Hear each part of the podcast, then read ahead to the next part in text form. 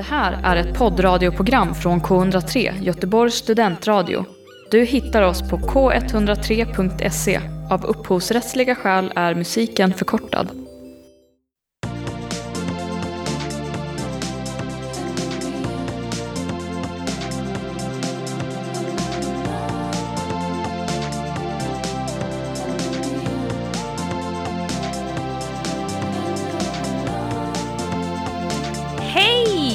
Och välkomna till Fenomenal!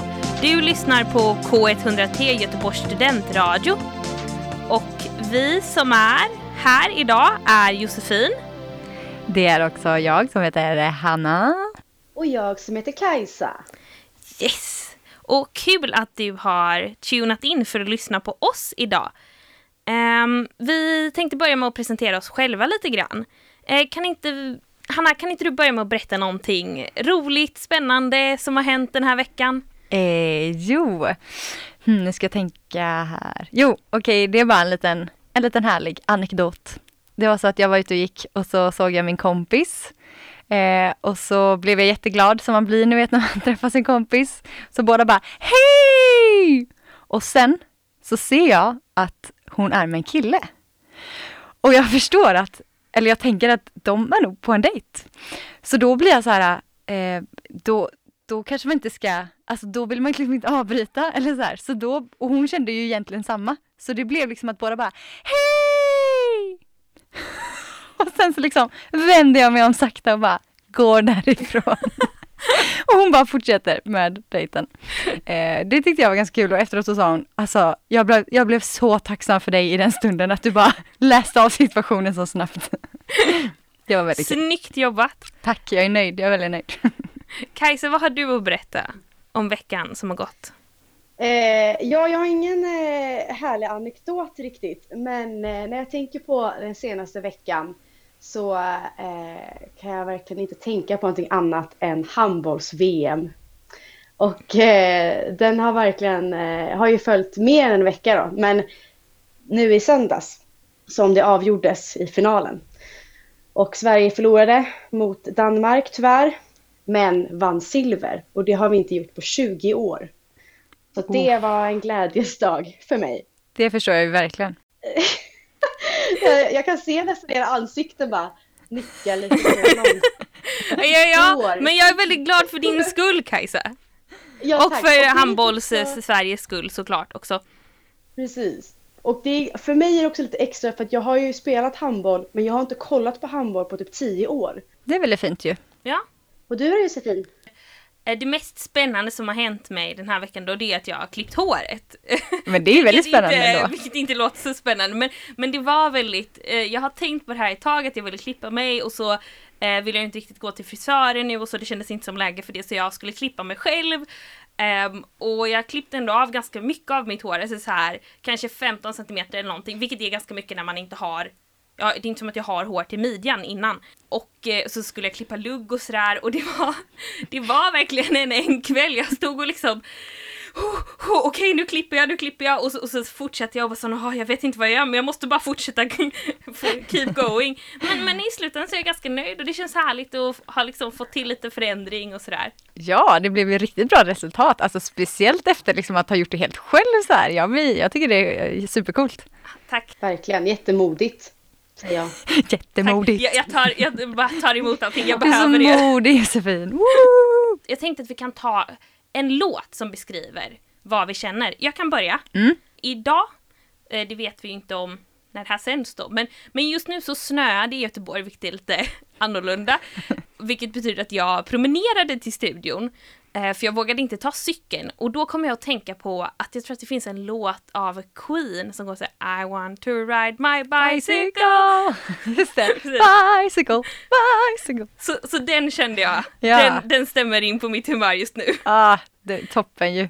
Eh, Kajsa, vad, har, du någon låt? En, en liten kontrast då va, så har jag eh, låten Mad Woman av Taylor Swift. Uff. Inte egentligen för att jag är så jättearg, men jag tycker att den liksom, eh, jag vet inte, ja, det är mycket som har bubblat det senaste. Jag har eh, då ehm, Alltså jag har, en- det är min nya favoritlåt. Den är Mm. inte, den är inte liksom superny. Jag har haft den som favoritlåt i x antal veckor, kanske månader. Mm. Men eh, den är så bra så att det, jag, jag fortsätter bara lyssna på den. Och den funkar alltid. Och den heter Dunka dumma hjärta dunka av Felicia Takman. Och för mig handlar den bara om att så här, man vill bara känna något. Alltså kom igen nu hjärtat, bara dunka, kom igen. Eh, och det funkar, det funkar typ alltid på mig. Den passar alltid in på något sätt. Vi ska strax höra vår första låt, men först tänker jag att vi ska bara berätta kort vad vi ska ha för tema idag. Ja, Och jag tror vi är alla väldigt peppade på det här, eller hur? ja. Eh, för idag ska vi prata om feministiska fenomen. Eh, och det är bland annat, Det var mitt feministiska läte. bland annat ska vi prata om Beyoncé-fenomenet och pinkwashing. Och Fenomenal, vi är ett program som varje vecka snackar om olika fenomen i samhället. Idag så har vi tänkt prata om feministiska fenomen och vi börjar med pinkwashing. Eh, vad tänker ni om det? Det, det låter superbra, tycker jag. Eh, Vill inte du börja berätta lite om det? Jo, jo men det ska jag göra. Och det här var lite intressant för jag gjorde lite research innan och min koppling till pinkwashing är väldigt mycket då att det handlar om feminism och det här handlar mycket om så här, marknadsföring, reklam och så. Jag tänker att idag kanske fler har hört om greenwashing. Mycket när det har varit pratat mycket om klimat och så förra året och förrförra. Alltså när kampanjer typ låtsas göra någonting som är bra i, för miljön för att få billiga pluspoäng men sen så om man kollar bakom så är det egentligen inte så bra. Um, och det har jag hört i liknande sammanhang om liksom feministiska, alltså så här att man gör en kampanj som får det att se ut som att man gör någonting som är väldigt bra för kvinnor eller liksom som så här i så här feminismens anda. Men eh, till exempel ganska ofta om ett sånt fast fashion klädföretag gör en sån kampanj så vet man ju att samtidigt eh, så får de flesta av deras arbetare typ är kvinnor som lever på minimilöner, kanske knappt är eh, sjuka arbetsförhållanden. Liksom. Det, det är inte, man, man sätter liksom en rosa glans på någonting för att det ska verka vackert och liksom för att täcka över skiten bakom. Men det jag lärde mig då, det var att det här fenomenet egentligen från början refererar till Bröstcancerfonden eh, och deras kampanj för ja, de, det här rosa bandet, rosa produkter som är varje oktober månad är det va? Mm, nå- något sånt ja. Och att då att det var så här företag som sålde saker till för, typ så här cancerframkallande pro, liksom, Produkt produkter med ämnen med cancerframkallande ämnen och liksom sålde dem med, liksom, gav pengar till Rosa bandet då. Det används också ofta i, i hbtq-rörelsen liksom, för Mm. folk som använder på samma sätt. Typ queerbaiting då, fast för reklam. Mm. Mm. Intressant. Det var ett långt utlägg. Men det var bra, du fick med mycket tycker jag. Men har ni, har ni tänkt på det här någon gång? Om, om man tänker på det just i feministiska kontexten då. Eh, att ni har märkt av alltså företag som pinkwashar och så. Ja, alltså det jag tänker på när du pratar om är mode och sånt, det är väl det som jag tror jag kopplar mest eller snabbast till. Och det är väl kanske, ja men t-shirts, eh, kan vara girl power eller liksom, ja, något i den stilen. Det är det jag kopplar till, det Mm. första jag tänker på liksom. Ja men det tänker jag också mycket på. Jag tänker också på, eh, vi ska inte nämna namn här, men det finns ett eh, rakhyvelsföretag som jag tror att många har sett på Instagram. Som lanserades för något år sedan. Eh, som körde väldigt mycket på, alltså den här grejen att typ eh, att, så här, att det känns som att rakföretag har fått kritik för att så här, men, men det är ju bara typ det är inget hår på benen som rakas liksom och det är inte, människor ser inte ut så på riktigt och så här, det är dyrt och så. Och så kampanj, eller deras kampanj gick väldigt mycket ut på att visa att så här, ja men det är ditt eget val om du vill raka dig eller inte. Och typ så här, det är upp till dig och vi respekterar alla. Och nu har vi tagit fram en billig rakhyvel för att vi tycker att tjejer ska liksom kunna raka sig till ett bra pris och bla bla bla bla bla. Så där får det ju låta väldigt fint men man säljer ju fortfarande en produkt som väldigt mycket alltså så här köper in i patriarkatets normer om hur kvinnor ska se ut och så. Mm. Det är så, det är så himla sjukt hur man inte typ kanske nödvändigtvis tänker på alla de här sakerna. Eh, utan att det bara svischar förbi och att eh, det är ju jättelätt hänt tänker jag att man går på det eller vad man ska säga. Mm. Ja men absolut. Kommer ni på några fler exempel på det här? Mm, när jag läste lite om det så var det ju också det här med, eh, ja men just med HBT, eh, hbtq-rörelsen liksom och eh, just med eh, Pride-paraden. Att det var Mm. intressant att bara läsa om att eh, ja, men många, typ så många olika myndigheter som har liksom ofta ansökt om att få gå med i paraden. För att antagligen för att det ser ju superbra ut liksom. Eller så här, de vill väl göra något bra. Men att det också just är ofta de här myndigheterna som sätter stopp för HBT, hbtq-personers rättigheter liksom. Eller så. Många typ asylsökande som inte får stanna i Sverige fast de är liksom eh, förföljda i sitt eget land på grund av deras läggning liksom. Det är ganska, det blir verkligen eh, hyckleri med stora bokstäver. Ja men det är väl det det är och det är så, ja jag tycker att det är verkligen eh, när man upptäcker det så gör det en så frustrerad. För, och samtidigt förstår jag, det är klart att det är väl bra också så här, det kan man ju se som positivt både ur liksom ett hbtq-perspektiv och ett feministiskt perspektiv, att det har blivit så, att det ändå har blivit så pass accepterat i samhället att man tänker att det är något bra, att man verkar liksom hbtq-vänlig eller liksom jobbar för kvinnosaker och alltså typ sådana grejer. Då, då har vi ju ändå tagit ett steg i rätt riktning. Samtidigt är det ju fruktansvärt när det bara blir liksom, vad heter det, så här symbol Mm. eh, är liksom någonting man gör för man, man gör det för publiken liksom men Ja. inte, man gör Ja. inte det riktiga arbetet bakom. Nej, precis. I fasaden liksom. Ja, Mm. Men jag, jag läste också en intressant artikel som lite vänder på det och säger vad är inte pinkwashing? Mm. Alltså lite så här, ja, alltså jag vet inte om jag, jag skummade mest i texten, men jag, jag tyckte jag, jag fastnade lite för resonemanget typ. Det är så svårt att veta för att vi är så präglade av hur det är liksom. Mm. Och då känns det som att man ibland blir man så här, äh, vad, är, vad är det liksom eh, man ser egentligen? Vad är, vad är det som eh, inte är pinkwashing eller alltså så här, Ja. har, har du något, eller kan du konkretisera det lite? Alltså vad tänker du på vilket sätt är allting pinkwashing? Alltså, det, det är väl bara att, att vända på begreppet helt enkelt och tänka vad är det som inte är det? Kan man hitta det? Istället för att hitta vad som är pinkwashing kan man också hitta det som inte är det. Att vart, vart går gränsen? Alltså det är också det det leder in mina tankar lite på. Mm. Så här, vad, för vem gör man saker och ting? Och liksom, det är klart företag säger att de Mm. gör det för att de står bakom det och vill sprida någonting. Men så gör de det kanske för reklam. Men också liksom, även om de gör det för att tjäna pengar på det så kanske de inte bara gör det. Alltså det är allt det där liksom. Vem bestämmer vart, vad, av vilken anledning saker och ting görs typ. Vi pratade lite om om företag egentligen kan, alltså kan man göra reklam som inte är bara, alltså så här, kan, kan ett företag vara genuint? Precis, exakt det. kan det det? Jag vet inte. Vad tänker du Kajsa? Eh, svårt. Alltså som ni säger, det, man vill ju verkligen uppmuntra till att det, att det lyfts i samhället, att saker och ting blir mer, eh, att vi ser det mer bland oss, att det inte bara blir en, en snackis kanske i vissa forum, att det blir någonting som kanske tar mer plats på något sätt. Och då blir ju kanske reklam någon så tydlig grej som tar plats Mm. där vi är och rör oss liksom. Men eh, samtidigt så blir det ju problematik också eh, i, och det är ju därför begreppet har kommit fram mycket tänker jag, för att det, det är ju samma som eh, Josefin pratade om här med greenwashing, det är ju samma, alltså det är bra att vara skeptisk när någonting är liksom boomar ut, kanske, som det har blivit. Mm. Ja men jag tänker att så här, jag, jag vill ju hellre ha medveten reklam eller reklam som är så här, som visar på en mångfald i samhället och som försöker göra bättre. Samtidigt får vi ju med det inte glömma att det trots allt fortfarande är reklam. Liksom. Det är väl det som också, Mm. jag tänker lätt händer att det är sådär, alltså när ett företag då gör någonting som de tycker är bra eller och så, så, som så här, samhället tycker är bra, då börjar det plötsligt så här delas över sociala medier, så här, kolla vad fantastiska de här är som gör det här typ.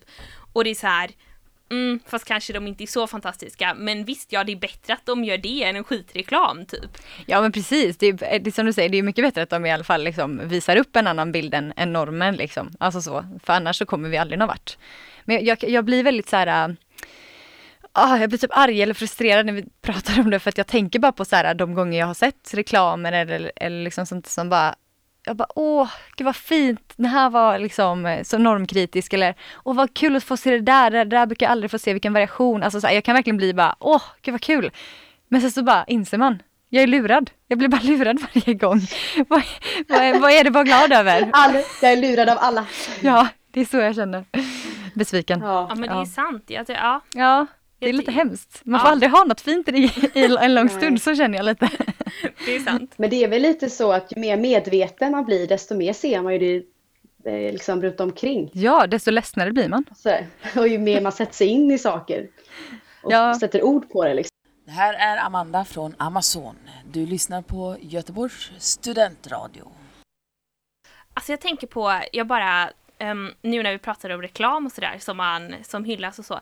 Vad tänker ni om nya ICA-Stig? Eller framförallt att det, har, har ni Ja. hunnit se vem det är? Ja. Att det alltså finns en ICA-Stina nu. Ja, För att det kände jag att, jag hade ingen åsikt innan om vem som skulle bli ICA-Stig. nej. Men när jag såg det så kände jag att jag tyckte att det var fruktansvärt töntigt. För att vem kommer komma, alltså ICA-Stina kommer inte bli en, liksom ett, ett Begrepp. i begrepp i folkmun på samma sätt. Det kommer inte vara hyllat och förknippat utan då, då kände jag att om Mika verkligen tyckte att det var så viktigt med att liksom visa att så här, nu har vi, det är inte bara snubben som får liksom spotlighten. Då tycker jag att Ica-Stig kunde varit en kvinna. Spelar det så stor roll? Varför kunde inte Ica-Stig varit en kvinna? Jag vet inte, vad kände ni? Mm. Nej, men det är kul att du tar upp det här faktiskt, för jag, jag tänkte lite grann på det och då kände jag så här, eh, vem kan det vara? Och sen bara, vänta nu, det, det, här, det borde ju vara en tjej typ. Så kände jag lite. Så här, det är tiden liksom. Ehm, Så att när det kom den här Ja. dubbel-twisten då, då kände jag eh, nog, eh, jaha, alltså jag vet inte, jag blev inte så super, det var inte som att jag bara, åh nice med tjej typ. Eh, men jag tänkte nog, jag hann- inte tänka så långt som du heller. Eh, att jag bara, men töntigt. Jag vet inte, jag har kanske inte så starka känslor om det, men, eh, men bra poäng där.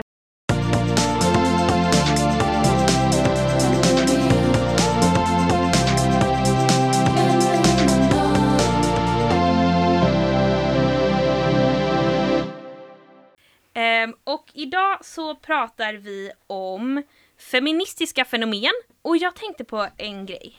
Man kan formulera så här. Vem är det som får kalla sig feminist? Får alla göra det?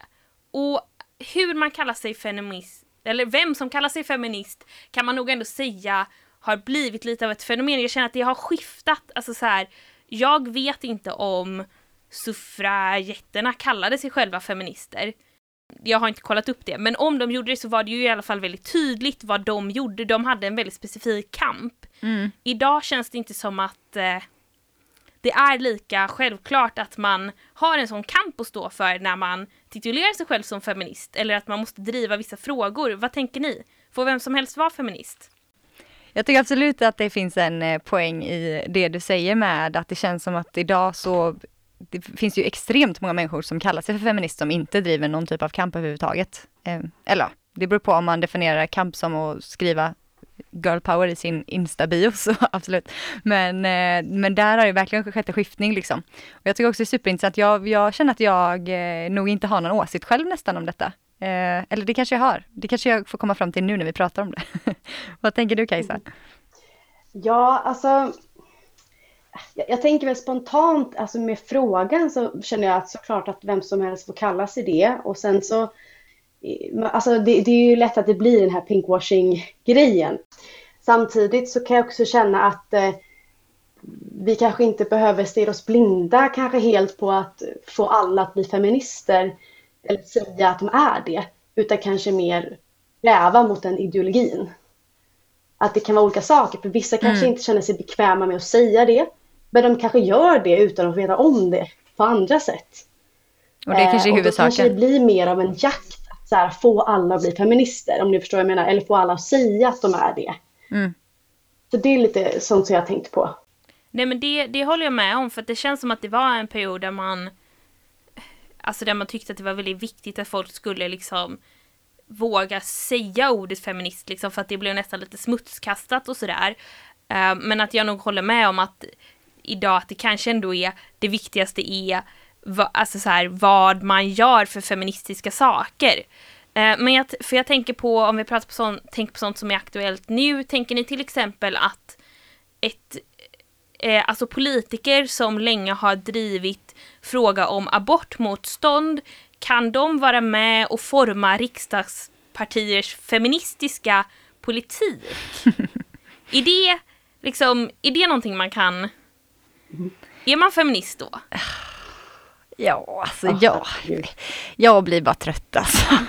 Ja. Ja, nej men Ja. jag känner bara skärpning liksom. Alltså, då, då blir det väldigt mycket liksom slänga sig med ordet hit och dit och då, då kommer ju liksom ordet feminism kommer ju urholkas. Så är min tanke. Till slut, vad betyder det då till slut om det kan betyda typ vad som helst? Typ, eh, Mm. alltså jag vet inte.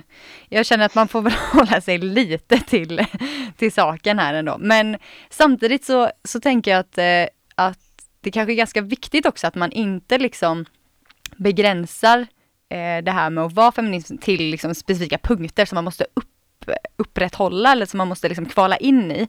För då, då känns det som att vi eh, liksom skapar krav och, och gör ribban hög för att liksom eh, våga närma sig feminismen och det tror jag ju är fel väg liksom, om man vill få fler att, att engagera sig.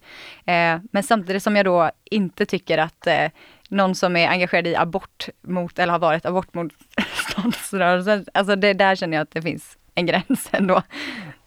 Jo, men, ja, men, men jag tänker lite på det du säger, alltså det här att inte ribban får ligga för hög. Att så här, även om, som vi pratade om och som jag precis sa, att så här, det viktigaste är inte att, att alla kallar sig just feminister, så kan jag ändå tycka det att om någon vill skriva bara girl power i sin biotyp och därmed kalla sig feminist så, så kan ju det ändå få vara okej tycker jag. Alltså så här, man får vara feminist även om man inte orkar ta kampen varje dag och liksom aktivt va- vara någon form av aktivist.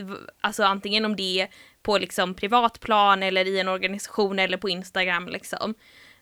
Ja, jag tänker att det nästan får kanske handla lite om ändå feminismens grundpelar. Eh, eller att man får komma tillbaka lite till det eh, och, om, och liksom utgå ifrån det när man gör bedömningar. Inte för att man måste hålla på och bedöma folk hela tiden så, men just det med abort och så, alltså det är ju ändå en, en grundpelare i feminismen att, att kvinnan ska ha rätt till sin egen kropp och bestämma över den. Och då känns det som att, att driva en feminism, feministisk rörelse liksom som är helt emot det, alltså motsatt håll. Det känns som att det blir ju, det blir för trångt under begreppet, alltså det går ju inte, det blir ju, det tar ju bort också liksom ursprungskampen tänker jag. Ja, ja, för man måste ju ändå på något sätt se det som att vi jobbar mot samma sak. Och en person som jobbar mot kvinnans rätt till sin egen kropp jobbar inte mot samma mål som vi gör liksom. Nej. Ehm, eller vi, jag kan inte prata för er, men jag tänker att det Jo, känns som att vi ja. är ganska på samma... Eh, Kajsa, ville du säga någonting om detta? Ja, eller jag tänkte bara eh, på det här att eh, ja, men när, när kan man låta någon få ändra sig? det här liksom att ha liksom varit emot abort och sen så säger, alltså jag vet ju inte om det kan ju absolut vara att personen inte har ändrat sig utan bara säger det för att det är politiskt kanske är mer trendigt och inte vara liksom emot abort. Men eh, ja, ni förstår vad jag menar, att så här, ska man, kan man lita på en person som, har varit, som vänder så? Mm. Och, Eh, men- det finns ju många exempel på mänskliga rättigheter när folk har eh, kanske vänt sig väldigt drastiskt plötsligt. Ja, och det där är ju en så viktig grej, det där med, det, jag menar det är ett helt annat fenomen tänker jag som vi säkert kan prata om någon annan gång, någon annan gång med det här med cancel culture liksom. Och då alltså så här att låta, ändå, eller ändå acceptera att människor är, eh, har åsikter och de ändras under livets gång. Det tycker jag absolut är en jätteviktig poäng. Just det, man kan inte bara cancella allting som är dåligt hela tiden. Nej, men precis. Folk måste ju få en chans att ändra sig. Ja, men en annan grej jag tänkte på, och det, vi behöver inte gå in, men om man, om man ändå vill ta upp inom det här då, vem som kanske är feminist och så, det är ju det här begreppet med TERFs. Känner ni till det? Nej, det Nej. jag inte. Ja, ja, det känns som jag har hört det, men jag, du berättar gärna. Eh, det är alltså ehm, kvinnor som ser transkvinnors eh, rättigheter eller transkvinnors existens som ett hot mot feminismen för att de inte vet hur det är att liksom växa upp i ett sexistiskt samhälle eller liksom med det kvinnoförtrycket som då folk som har växt upp som kvinnor ehm, har känt. Typ, tror jag, jag är inte, det, det här, jag är inte expert på det, men det tänker jag också är en sån det, jag tycker att det är ändå det är ett tydligt exempel på där det ändå har bildats en ganska stor reva i feminismen idag, tänker jag. Att det är en ganska stor subgrupp idag och att där bryter verkligen människor, alltså så här, man kan vara att man kan enas på väldigt många punkter, men om någon är en turf så finns det väldigt många människor som inte kommer samarbeta med den människan Mm. överhuvudtaget liksom. Och turfen vägrar att liksom se andra sidan också. Ja, det där känns som att, jag hör- hörde om det någon gång i, alltså under 2020, jag minns inte, men eh, innan det har jag liksom inte alls, alltså jag visste inte ens att det var en grej liksom. Eh, så det känns som att det kan vara, att det går vissa över huvudet, eh, mig. Det är superintressant och väldigt, väldigt viktigt, tänker jag, när du berättar om det. Så här, det är ju en jätteavgörande grej, känns det som. Eller för mig skulle det vara det liksom. Ja, ja men det är ju verkligen svårt att inte liksom... Det det handlar om är ju kanske lite det här, den här frågan om intersektionalitet som man inte heller vet, alltså så här, hur mycket är feminist bara, feminism bara sin egen grej? Eller hur mycket är det en kamp som också går in i liksom klasskamp och eh, alltså så här, rasism, hbtq-rättigheter, alla de där grejerna liksom. Det är ju lite alltså, sådär hur man definierar feminismen kommer ju också kanske då avgöra om man tycker att någon som påstår sig vara feminist är det eller inte.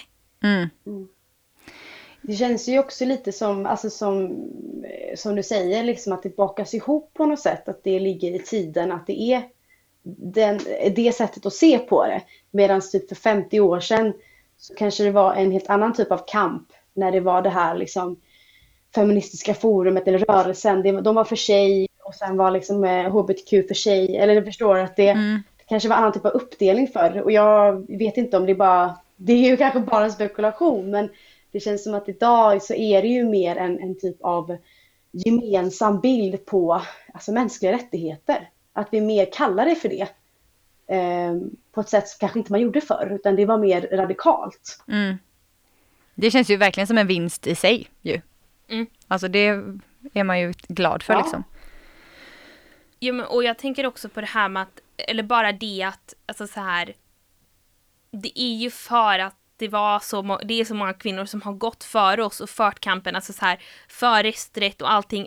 Det här att vi har de här liksom ändå basala, i alla fall i Sverige liksom, mänskliga rättigheterna som tillåter att vi idag, att det finns så många olika sätt att bekämpa feminism på liksom så här, och att det kan få vara okej och att man kan vara feminist och det inte behöver betyda så mycket eller det är väldigt liksom eh, tyngt, liksom det, det är en stor del av ens identitet eller vad det nu är, att det, ehm, att det är tack vare att vi har fått eh, allt det, så, eller liksom att vi föddes in i ett samhälle där det många saker redan liksom var, Mm. vad försöker jag säga, Ja, men, Fa- fanns för oss. ja liksom. men precis, verkligen ju. Det, ja, Ja, det var ju också väldigt nyligen som eh, den kvinnliga rösträtten hade funnits i hundra år ju. Då blev man ju också sådär påmind om att bara, ah, wow, vad fint det är att någon annan har kämpat för mig. Nu ska vi prata lite om vad man kan göra i feminismens namn. Så vi har pratat lite om vem som får kalla sig feminist. Ehm, och nu då kanske så här, är allting kvinnor gör feministiskt? Just det. Finns det några regler egentligen? Det gör vi. Men det är faktiskt eh, ju intressant tycker jag. Det tycker jag om det mesta vi pratar om inser jag. Jag säger ofta att det är intressant, men det är för att det är så himla intressant. Eh, men vi har pratat lite om det här eh, innan, inför det här programmet, om eh, artister som eh, använder eh, eh, typ sex som sin marknadsföring kan man väl säga. Och vilket ju är i princip typ alla eh, internationella kvinnliga artister typ. Eh, ja, Beyoncé, Sara Larsson, eh, Madonna, alla typ. Mm. Eh, Nicki Minaj. ja, precis, Lady Gaga. Och att liksom alla de här eh, är ju, står ju väldigt mycket upp för feminismen och liksom har det som sin, eh, som en grej känns det som. Men hur feministiskt är det egentligen? Att liksom eh, vara, köra liksom all in på liksom lättklätt och eh, väldigt normsnygg kropp och det är kroppen i fokus och sånt där. Vad tänker ni? Ja, vi läste ju en väldigt intressant eh, på Instagram, ett konto som hette Amanda Alenius. Tror hon heter. Och hon kallade ju det här för Beyoncé-fenomenet. Eh, och det tyckte vi ju var fantastiskt att bara, här har vi ett fenomen! Det här måste vi prata om! Vi tar alla Men- chanser vi får. Men också att hon formulerade ju just det där så himla bra, alltså hur man kan det här med att då sälja med sin kropp, eller nej, sitt artisteri med sin kropp och med sex liksom, är det gör det kvinnorna till dåliga feminister eller är det systemet det är fel på liksom? Mm. Som ändå tvingar de här kvinnorna, alltså så här, det är väldigt svårt Mm. tror jag, som kvinna som vill bli världsstjärna och inte spela på sex. Alltså jag tänker så här.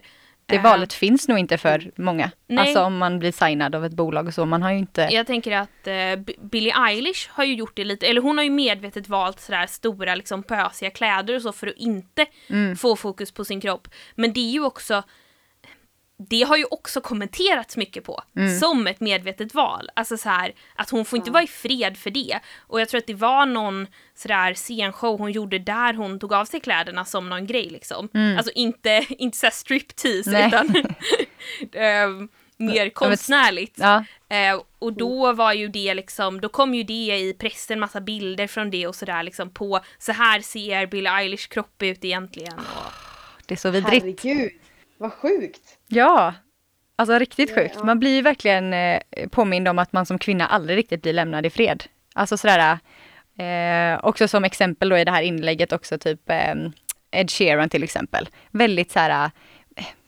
normal, eh, liksom dude som sitter med sin tisha och håret på sned. Typ. Alltså det är såhär, det får han och göra. han kan sälja ut Ullevi två gånger. liksom. Exakt, och det är ingen som kommer bara, kolla Ja. på hans kropp! Alltså det är sjukt att man liksom Du måste bjuda på en show! Kom Exakt, igen. kom igen, klä av dig gubben. Nej, utan eh, som man får man liksom bara vara man. Men som kvinna är man också alltid eh, något att titta på typ. Det är ju helt sick på en frick. Ja, Verkligen. men, eh, jag tycker verkligen som ni säger att det är intressant att det tas upp mer, att det är systemet, att det liksom eh, och det är väl det vi vill säga också, det handlar väl inte om att så här, värdera om Beyoncé är feministisk nog. Nej, Utan det är väl mer att det här fenomenet är att, om att det är en del av ett eh, liksom, patriarkalt system som sexualiserar människor på ett sätt och att det, det blir som en slags nödvändighet Mm. för eh, artisterna att slå igenom. Och det är ju även de artister som kanske har gått den vägen eh, och sen på något sätt när de har den stora, alltså inflytandet på människor och är en stor förebild, att det är då de kanske blir politiska. mm. För att de känner att de nästan behövt ta den här eh, lite fula vägen kanske, eller ja, lite så utlämnande vägen. Tills man blir så pass stor att bara nu kan jag, kan jag helt plötsligt ha åsikter. Mm.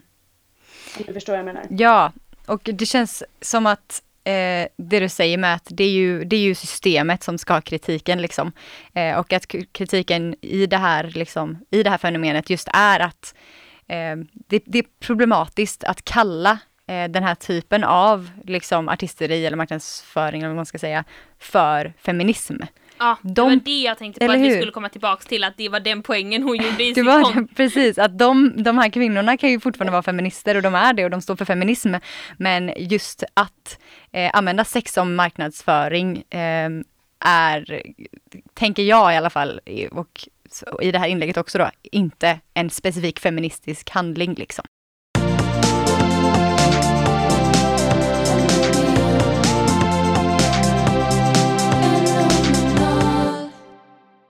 Vi pratade precis innan om vad man kan göra i feminismens namn och lite om det här att det är svårt att vara kvinna i ehm, kanske vi pratar framförallt om nöjesbranschen eller som artist. Att inte bli kommenterad på sin kropp och att det är svårt att inte anspela på sex om man vill bli stor. Men bara för att man gör det så kan man kanske inte kalla det för feminism. Just det. Är liksom, är liksom allt som en kvinna känner för att göra, är det klassat som feminism? Det är väl det som känns som att svaret är nej, tycker jag då. Ja, för att, jag är eh, nog villig att hålla med. Ja, nej men det, jag eh, tycker att det är intressant det här med eh, skönhetsingrepp.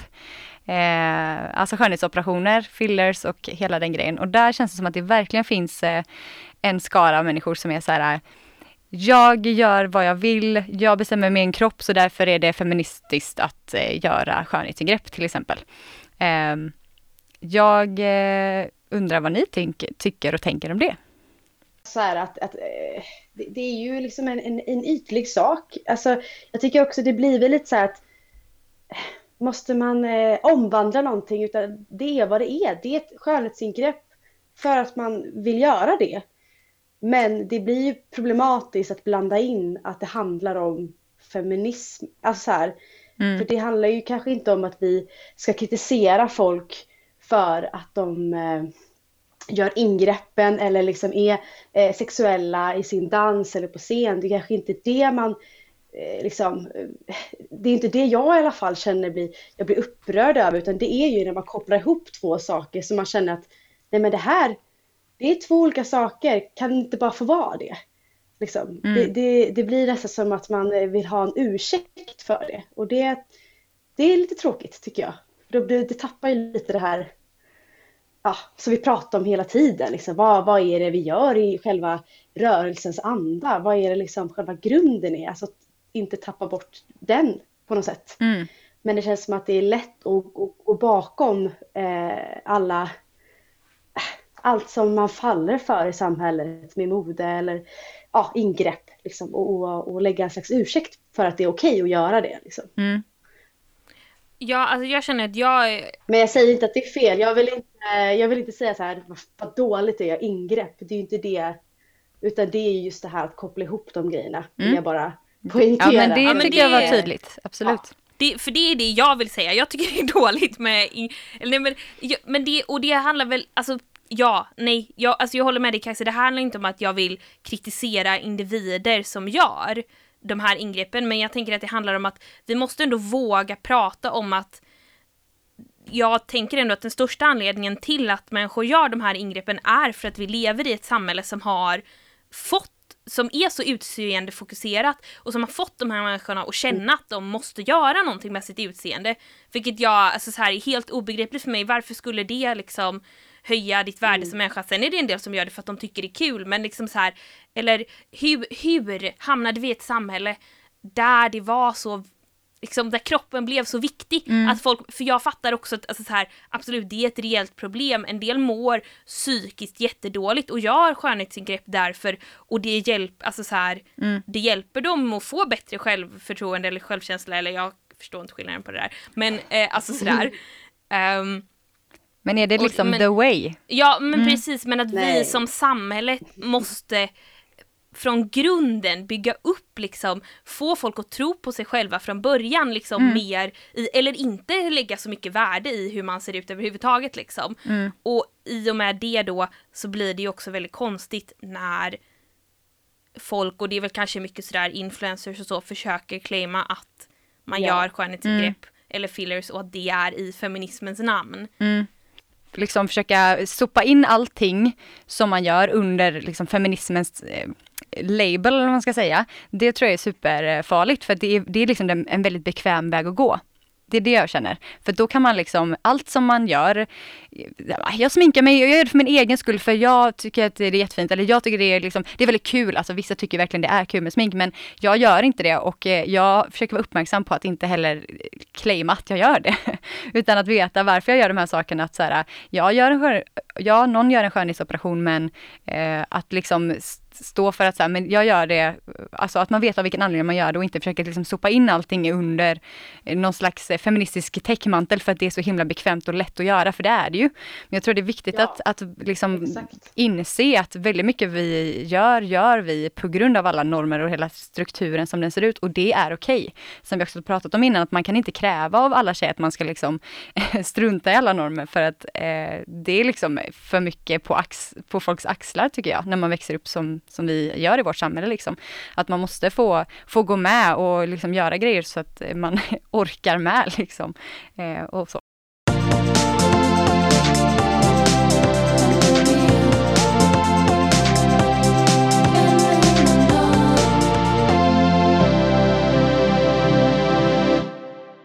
Och i snart en timme nu så har du lyssnat på Fenomenal! Tjoho! Ehm, och vi tänker att det är dags för oss att avrunda lite, eller kanske inte avrunda men sammanfatta vad vi har pratat om. Vi har ju pratat om feministiska fenomen. Och oj vilken diskussion vi har haft! Ja. Eh, Kajsa, vad, vad tar du med dig från det här? Oj, det är så mycket alltså. Herregud. Nej, men det var jätteintressant att höra om pinkwashing och hela, hela historien. Nej, men jag tar med mig mycket det här med att eh, bara för att man är tjej och gör något som man själv vill så klassas inte det specifikt som feminism. Det tycker jag ändå är ganska viktigt och att eh, man ska vara lite kritisk eh, och reflekterande över saker man gör och val man tar eh, och veta varför man tar dem. Sen så får man i de flesta fallen göra som man vill, men eh, att, att inte liksom täcka allt man gör med en, en liten rosa feministisk mantel. Eh, bara för det.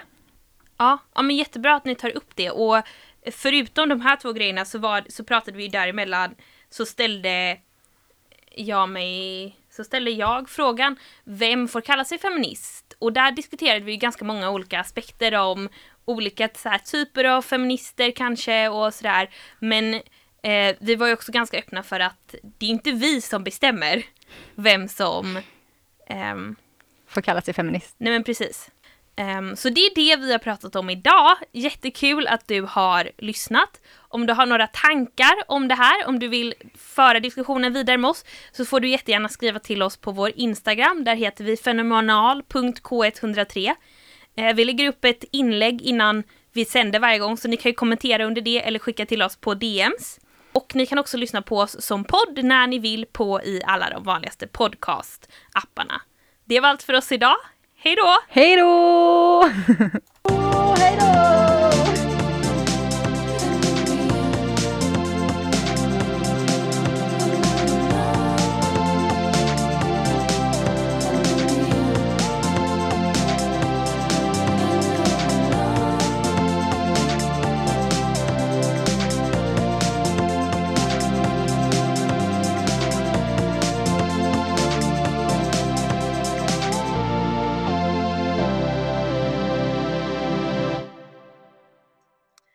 Du har hört en poddradioversion av ett program från K103.